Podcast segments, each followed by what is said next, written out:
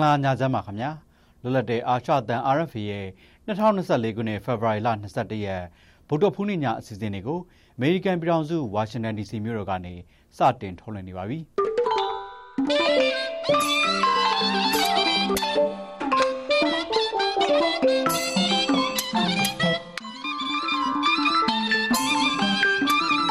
ကျွန်တော်ကရဲကောင်မြန်မာပါဒီကနေ့ညအစီအစဉ်မှာနောက်ဆုံးရသတင်းတွေနဲ့အတူရိုဟင်ဂျာတွေကို လူသားတိုင်းအဖြစ်အသုံးချဖို့ကြိုးစားနေတယ်လို့ပြောကြားချက်အကြောင်းနဲ့တည်ငြိမ်မှုပြတ်ပြားအောင်လုပ်တယ်ဆိုပြီးလူမှုကွန်ရက်သုံးစွဲသူ1500နီးပါးဖမ်းဆီးခံရတဲ့အကြောင်းသတင်းဆောင်မတွေကိုထုတ်လွှင့်မှာဖြစ်ပါတယ်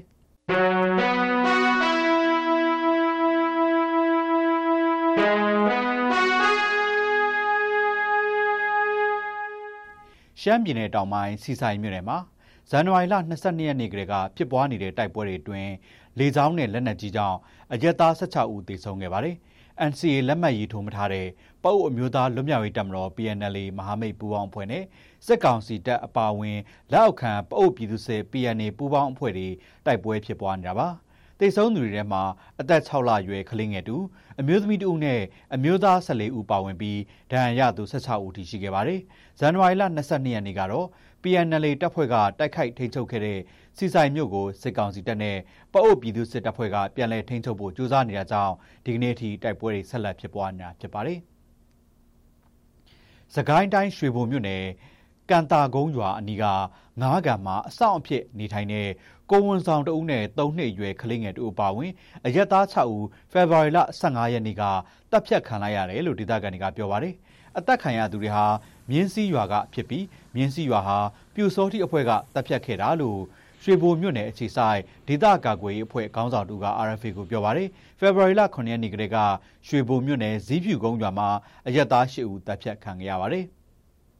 စကိုင်းတိုင်းတန့်ဆယ်မြို့နယ်ကန်ထူးမရွာကတိုက်နယ်ရဲစခန်းကိုဖေဖော်ဝါရီလ22ရက်နေ့ဒီကနေ့မနက်3နာရီလောက်ဝန်းကျင်ကပြည်သူ့ကာကွယ်ရေးတပ်တွေကဝင်ရောက်တိုက်ခိုက်ခဲ့ပြီးတဲ့နောက်စစ်ကောင်စီတပ်ဖက်ကလေကြောင်းနဲ့10ကြိမ်တက်မနေလာရောက်ပစ်ခတ်ခဲ့တယ်လို့ဒေသကာကွယ်ရေးတပ်တွေကပြောပါတယ်။လေကြောင်းတိုက်ခိုက်မှုကြောင့်ပကာရွာကဒေသခံ2ဦးထိခိုက်ဒဏ်ရာရခဲ့ပြီးရွာပေါင်း10ရွာလောက်ကဒေသခံ1000ဝန်းကျင်ဘေးလွတ်ရွာကိုထွက်ပြေးတိမ်းရှောင်နေကြပါတယ်။ အာနာသိန်း၃နှစ်တာကာလအတွင်းမှာရွှေဆိုင်နဲ့ဗန်တွေလူရက်ခံရမှုပေါင်း82ခုထိရှိခဲ့တယ်လို့ Data for Myanmar သုတေသနအဖွဲ့ကဖေဖော်ဝါရီလ20ရက်နေ့ညမှာထုတ်ပြန်လိုက်ပါတယ်။အဲ့ဒီထဲမှာရွှေဆိုင်တွေလူရက်ခံရမှု58ခုဗန်တွေလူရက်ခံရမှု25ခုရှိခဲ့တယ်လို့ဆိုပါတယ်။ ရွှေဆိုင်လူရက်ခံရမှုတွေကတော့တလကိုအနည်းဆုံးတစ်ကြိမ်လောက်ရှိနေပြီးမန္တလေးမြို့မှာ12ကြိမ်ရန်ကုန်မြို့မှာ6ကြိမ်ဖားကန့်မြို့မှာ3ကြိမ်နဲ့အများဆုံးဖြစ်ပွားနေတာဖြစ်ပါတယ်။ရွှေဆိုင်လူရက်ခံရမှုတွေရဲ့20ရာခိုင်နှုန်းကိုသာဖမ်းဆီးအရေးယူနိုင်တာတွေ့ရတယ်လို့ Data for Myanmar ကရေးသားထားပါတယ်။ရန်ကုန်တိုင်းမော်ဘီမြို့နယ်မြောင်းတကာကြီးရွာက နေအိမ်33လုံးဟာစက်ပစ်ကွင်းထဲမှာပါဝင်နေတယ်ဆိုပြီးစစ်ကောင်စီကဖေဖော်ဝါရီလ22ရက်မနက်ဖြန်နောက်ဆုံးထားပြီးဖယ်ရှားခိုင်းထားတယ်လို့ဖယ်ရှားခံရသူတွေထဲမှာပါဝင်တဲ့ချင်းလူမျိုးတဲအုပ်ဆရာတူကပြောပါတယ်အဲ့ဒီမြေတွေကိုစစ်ကောင်စီတပ်ရဲ့ဘုံမှုကြီးဟောင်းတအုပ်စီကနေဝယ်ယူပြီးနေထိုင်ကြတာလို့သူကပြောပါတယ်နေအိမ်တရားကျော်ရှိနေပြီးအဲ့ဒီထက်ကချင်းလူမျိုးစုတွေရဲ့နေအိမ်23လုံးနဲ့ကရင်တိုင်းရင်းသားအိမ်10လုံးကိုဖယ်ရှားဖို့ဖိအားပေးခံခဲ့ရတာလို့သိရပါတယ်။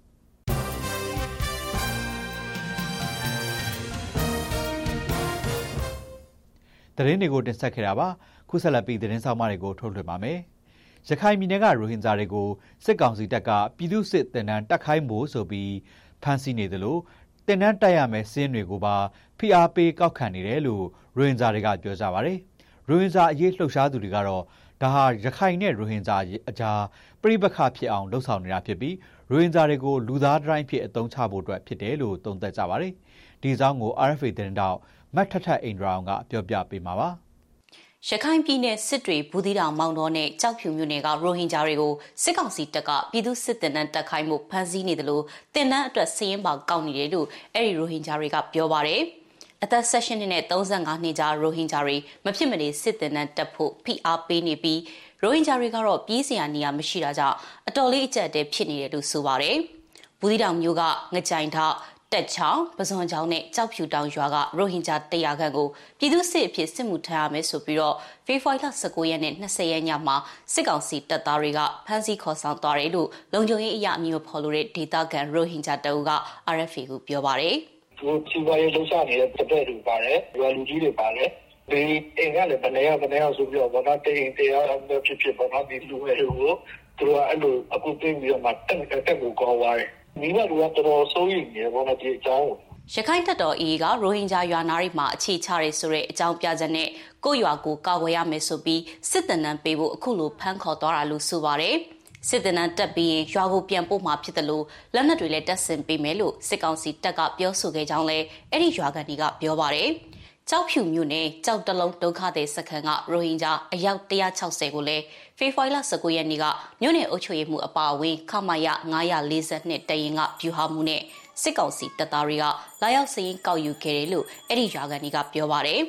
အသက်18နှစ်ကနေ35နှစ်ကြာအရွယ်လေးပြည်သူစစ်တပ်နန်းနှစ်ပတ်တက်ရမှာဖြစ်ပြီးတော့အရေးကြုံရင်အဲ့ဒီထဲကနေစစ်မှုထမ်းမှုရွေးချယ်မယ်လို့ပြောခဲ့ကြောင်းလုံခြုံရေးအရာအမည်မဖော်လို့တဲ့ရိုဟင်ဂျာတအုပ်က RFA ကိုပြောပါတယ်။ အဲ့ဒါနှစ်ပတ်တက်ရဖို့ဒီဒီကိုရွာကွယ်ကိုရွာဒီကဒီဒီကတင်တန်းကနှစ်ပတ်တက်ရမယ်ကိုရက်ကွက်ကိုရွာတွေမှာအဲ့ဒီလူတွေကဆောက်ရှောက်ရမယ်အဲ့ဒီလိုပြောပါတယ်ပြီးရင်စစ်မှုထမ်းဥပဒေပြဋ္ဌာန်းထားတဲ့အတွက်အဲ့ဒီလူတွေထဲကစစ်မှုထမ်းလို့ရမယ့်သူတွေစစ်မှုထမ်းရမယ်လို့အဲ့ဒီလိုပြောပါတယ်စစ်တွေနဲ့မောင်တော်မှရှိတဲ့ရိုဟင်ဂျာတွေကိုလည်းရွာကြီးရင်လူတရာရွာငယ်ရင်လူ90စစ်တပ်နဲ့တက်ဖို့စည်ရင်ပေးရမယ်ဆိုပြီးတော့ဖိအားပေးနေတယ်လို့ဆိုပါတယ် ရိုဟင်ဂျာအရေးတက်ကြွလှုပ်ရှားသူကိုနေဆန်းလွင်ကတော့ရိုဟင်ဂျာတွေကိုစစ်မှုထမ်းခိုင်းမှုလုပ်နေတာဟာရခိုင်နဲ့ရိုဟင်ဂျာကြားပြိပက္ခဖြစ်အောင်ဖန်တီးနေတာဖြစ်ပြီးတော့ရိုဟင်ဂျာတွေကိုလူသားတိုင်းလုပ်ဖို့ကြံစီနေတာလို့သုံးသပ်ပါတယ် ဒီဥစ္စာအတရားမှလုံနေတာပါလဲဆိုတော့မြေပြင်မှာသူတို့အေးနဲ့တိုက်ပွဲတွေမှာသူတို့ရှုံးနေတယ်ဒီဥစ္စာကိုအာယုံကြောင်းဖို့လိုတယ်တကယ်လို့ဒီရိုဟင်ဂျာတွေကစစ်တပ်ထဲကိုသူတို့အတရားမှတွင်းလို့အဝင်လာပြီဆိုရင်ခိုင်တဲ့ရိုဟင်ဂျာကြားမှာပြဿနာတော်တော်လေးတက်လာနိုင်တယ်အဲဒီဥစ္စာကိုအဓိကသူတို့လိုချင်တာပဲသူတို့လိုတလောက်သုံးပြီးွားရင်ပြီးွားရင်ပြန်ထုတ်ပလိုက်မှာအဓိကသူတို့ကဘာလဲဆိုရင်ဒီရိုဟင်ဂျာတွေကိုလူသားတိုင်းအနေနဲ့သုံးဖို့ပဲသူတို့ကြိုးစားနေတာ မြန်မာနိုင်ငံမှာအစိုးရအဆက်ဆက်ရိုဟင်ဂျာတွေကိုနိုင်ငံသားအဖြစ်သတ်မှတ်ပေးတာမရှိခဲ့တာကြောင့်အခုလိုစစ်မှုထမ်းခိုင်းမှုဖိအားပေးနေတာဟာဘယ်လို့မှမဖြစ်သင့်ဘူးလို့ကိုနေဆန်းလွင်ကထောက်ပြပါတယ်။စည်ရင်ကောက်ထားတဲ့ရိုဟင်ဂျာတွေကိုဘယ်နည်းမှခေါ်ယူမယ်ဆိုတာနဲ့အရေးအတွက်အသေးစိတ်ကိုတော့မသိရသေးပါဘူး။စစ်ကောင်စီဘက်ကလည်းတစုံတရာထုတ်ပြန်ထားတာမရှိသလိုစစ်ကောင်စီရဲ့ရခိုင်ပြည်နယ်ပြောခွင့်ရပြည်နယ်ဥပဒေချုပ်ဦးလှသိန်းကို RFA ကတယ်လီဖုန်းနဲ့ဆက်သွယ်မေးမြန်းခဲ့ပေမဲ့ဖုန်းမကင်ပါဘူးရှင်။ RFA ကနေဆက်လက်ထုတ်လွှင့်နေပါတယ်ခင်ဗျာနိုင်ငံကိုမတည်ငြိမ်အောင်လုပ်တယ်စစ်အုပ်ချုပ်ရေးရန်ရာပြက်ပြားအောင်လုပ်တယ်လို့ဆွဆွဲပြီးစစ်ကောင်စီကပြီးခဲ့တဲ့နှစ်နှစ်တာကာလအတွင်းမှာလူမှုကွန်ရက်သုံးစွဲသူ1500နီးပါးလောက်ကိုဖမ်းဆီးခဲ့ပါတယ်ဒီကြောင်းကို RFA အဖွဲ့သူမဝေမာထုံကတင်ပြပါလိမ့်မယ်စစ်ကောင်စီရဲ့လုပ်ရက်တွေကိုလူမှုကွန်ရက်စာမျက်နှာမှာပြစ်တင်ဝေဖန်လို့ ဖမ်းဆီးခံရသူနှစ်နှစ်အတွင်း1480ထက်မနည်းရှိခဲ့တယ်လို့ Data for Myanmar အဖွဲ့ရဲ့ဇန်နဝါရီလ31ရက်နေ့ထုတ်အစီရင်ခံစာမှာဖော်ပြပါတယ်။ထိရတစ်ခုဆိုရင်ရန်ကုန်မြို့ကမယမင်းဟာပြီးခဲ့တဲ့ဒီဇင်ဘာလကထိုင်းနိုင်ငံကိုပြန်သွားဖို့နိုင်ငံကူးလက်မှတ်တက်တန်းတိုးတဲ့အချိန်မှာအဖမ်းခံလိုက်ရပြီးတော့ထောင်ဒဏ်သက်သက်အထိချခံထားရတယ်လို့မိသားစုနဲ့နှီးဆက်သူတယောက်ကပြောပါတယ်။ တော့မှလေးကအရင်တော့ထိုင်းမှာနေခဲ့တာထိုင်းကနေပြီးတော့တစင်မြန်မာပြည်ကို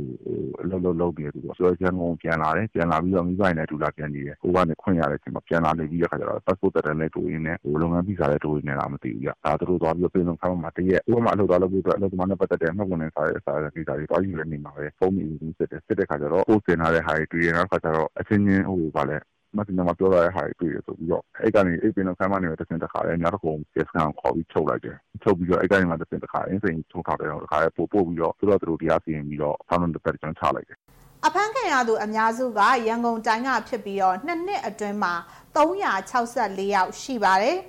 ဒုတိယအများဆုံးကမန္တလေးတိုင်းကဖြစ်ပြီးတော့အဖမ်းခံရသူ329ယောက်ရှိခဲ့ပါတယ် ဒီလိုဖမ်းတာဟာလူထုကိုအကြောက်တရားနဲ့အုပ်ချုပ်ဖို့ကြိုးပမ်းတာလို့ဒေါက်တာလှကျော်စောကဝေဖန်ပါတယ်အင်တာနက်မှာဝေဖန်တဲ့လူတွေဘာတွေကအဲသူတို့ရဲ့အားနည်းချက်တွေကိုထောက်ပြနိုင်အောင်နောက်သူတို့နိုင်လဲနိုင်နေတယ်ဗျာသူတို့အလွယ်တကူဖမ်းလို့စီးလို့လဲနိုင်ရကိုဖိထောင်းတဲ့သဘောပါပဲ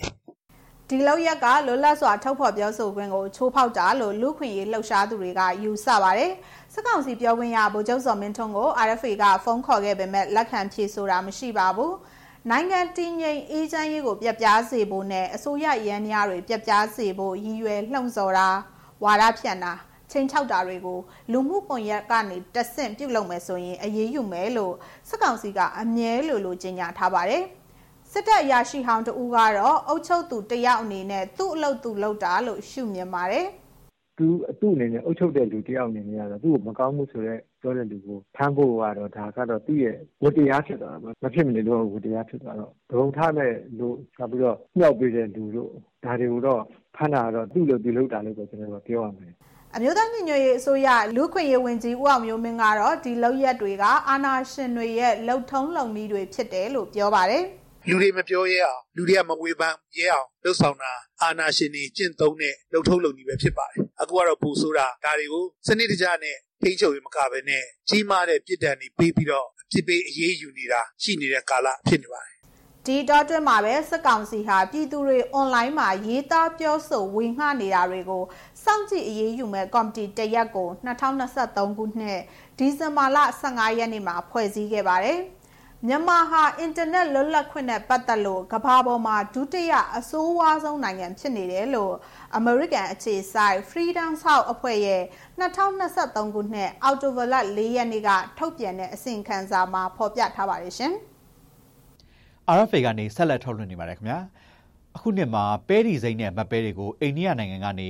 ဝယ်လိုအားများလာခဲ့တဲ့အတွက်ပဲဈေးတွေတက်လာပြီမဲ့စိုက်ပျိုးဈေးတွေလည်းနှစ်ဆလောက်တက်လာခဲ့တဲ့အတွက် ပဲစိုက်တောင်သူတွေမှာအကျိုးမြတ်အပြည့်အဝမခံစားဘူးလို့ပြောကြပါဗျ။ဒီအကြောင်းကို RFA ဖွဲ့သူမတ်ဂျူလိုင်မျိုးကတင်ပြထားပါတယ်ခင်ဗျာ။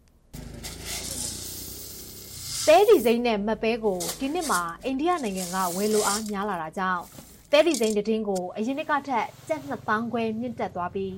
မပဲတည်င်းကိုကျပ်3000လောက်မြင့်တက်သွားတယ်လို့ဟင်္ဒရာမြို့နယ်ကပဲဆိုင်တောင်သူတွေကပြောပါတယ်။ ဒါပေမဲ့ပဲဆိုင်တုံးကစိုက်ပျိုးစရိတ်နှစ်ဆလောက်မြင့်တက်ခဲ့တဲ့အတွက်အကျိုးအမြတ်ကိုအပြည့်အဝမခံစားရဘူးလို့တောင်သူဦးနေဝင်းအောင်ကပြောပါတယ်။အရင်နှစ်ကအခြေအနေနဲ့ပြန်တွက်မယ်ဆိုရင်တော့ဈေးကတော့တက်တာတော့မှန်တယ်ဒါပေမဲ့ပြန်ပြီးတော့ယာသီရဲ့ကုန်ပစ္စည်းနဲ့ကြတော့လည်းမထူးဘူးပေါ့ဆေးရရင်နေ့ကပိုးသက်ဆေးတပူကိုအခုဘာခေါ်မလဲဒပလဲတို့လက်ငှက်ကြီးတောင်တို့ဒါတွေကဟိုနှစ်က8000ကျော်9000မေးကျိတ်9000ကျော်ကျော်ပေါ့8000မေးကျိတ်လောက် ဒီနှစ်ကတသိန်းမေးကျိတ်လောက်ဝယ်ပြန်နေတယ်မိသားစု9ယောက်ရှိတဲ့ဦးနေဝင်းအောင်ဟာမိုးရာသီမှာစပားဆိုင်ပြီးစပားရိတ်သိမ်းပြီးတဲ့အခါမှာတော့မက်ပဲစိုက်ပျိုးပါတယ်သူ့လိုပဲနောက်ထပ်တောင်သူတယောက်ဖြစ်တဲ့ဟင်္ဒရာမြို့နယ်တင်ကန်းကွင်းရွာကဒေါ်ရင်ထေးကတော့ပဲဒီစိမ့်စိုက်ထားပါတယ်မပဲလိုပဲပဲဒီစိမ့်တည်င်းကိုအရင်နှစ်ကကျပ်9000ဖြစ်ခဲ့ပေမဲ့အခုနှစ်မှာငွေကျပ်9000ခွဲနဲ့ရောင်းရတယ်လို့ပြောပါတယ်။ ဒါပေမဲ့လည်းကုန်ကျစရိတ်တွေတက်ခဲ့လို့အကျိုးအမြတ်ကောင်းကောင်းမရခဲ့ဘူးလို့ဒေါ်ရင်ထေးကပြောပြပါတယ်။ရလဲရတယ်ကုန်လဲကုန်တယ်ပေါ့လေဝယ်ရတယ်ကုန်စည်နှုန်းတွေရတယ်ကြီးတာနဲ့ဆိုတော့လေပင်းတော့ပင်းမန်းတယ်ပေါ့ရတယ်ပင်းမန်းတယ်ပေါ့အဲဘာသူထုမလဲလောက်အားနဲ့ကိုနဲ့မျှစားတူဖြစ်နေတာပေါ့လူသမားနဲ့ဆေးဘိုးနဲ့မျိုးစေ့နဲ့ဘာထုမလဲဟင်္ဒရာမြို့နယ်အင်းစရက်ရွာကဦးမြင့်လိုင်ကတော့အခုနှစ်မှာမတ်ပဲကိုဧကစိုက်ထားပါတယ်။ အရင်နှစ်ကမတ်ပဲတည်င်းကိုကြက်6000လောက်နဲ့ရောင်းခဲ့ရပြီးဒီနှစ်မှာတော့တသိန်းဝင်းကျင်အထိပေါင်စည်းရှိနေပါတယ်။ဒါပေမဲ့သူလည်းတခြားတောင်သူတွေလိုကြုံတွေ့ရတဲ့အကြောင်းပြောပြပါဗျ။သေးသေးတွေကလည်းတကယ်နေသားနဲ့နင်းနေလေ။ဥဒသေးတွေကနေ3000အောက်မှမယူတာပဲဟာ။ဥဒသေးရလည်းတမျိုးတည်းဖြန်းလို့မရ။မမျိုးလောက်တွဲဖြန်းနေရဆေးရတွေကပြီးတော့မျိုးဖတာမဟုတ်လို့လောက်ကနေရတာတကယ်တမ်းတော့လဲပြန်ပြီးတော့ရင်းနှီးမြုပ်နှံတဲ့ဟာနဲ့ကျင်လိုက်တဲ့ခါကျတော့လေတဲ့လူကတော့ နေပါတယ်အိန္ဒိယနိုင်ငံမှာပဲဆိုင်ခင်းတွေပျက်စီးသွားတဲ့အတွက်မပဲနဲ့ပဲဒီစိန်ဝယ်လိုအားများနေတယ်လို့ဂျပန်နိုင်ငံကလည်းပဲဒီစိန်အနီတွေကိုဝယ်လိုအားများနေတယ်လို့ဟင်္ဒရာမြို့ကပဲအဝယ်တိုင်းတစ်ခုကပြောပါတယ်။ January လ24ရက်နေ့ကစပြီးတော့တပတ်အတွင်းမှာပဲအလုံးဈေးတက်ခဲ့တာကြောင့်ပဲဒီစိန်တည်င်းကိုကျပ်9000 9000မပဲတည်င်းကိုကျပ်9000 8000နီးပါးအထိရှိတယ်လို့အဲ့ဒီပွဲရုံပိုင်ရှင်ကပြောပါတယ် မြန်မာနိုင်ငံမှာစပားပြီးရင်ပဲအမျိုးမျိုးကိုဒုတိယအများဆုံးစိုက်ပျိုးကြပါရဲ့ရှင်။ RFA ရဲ့ညပိုင်းအစီအစဉ်တွေကိုဒီမှာပဲညံ့နာပါရစေ။ကြည့်ရှုနားဆင်သူအားလုံးဘေးအန္တရာယ်ကင်းဝေးကြပါစေခင်ဗျာ။။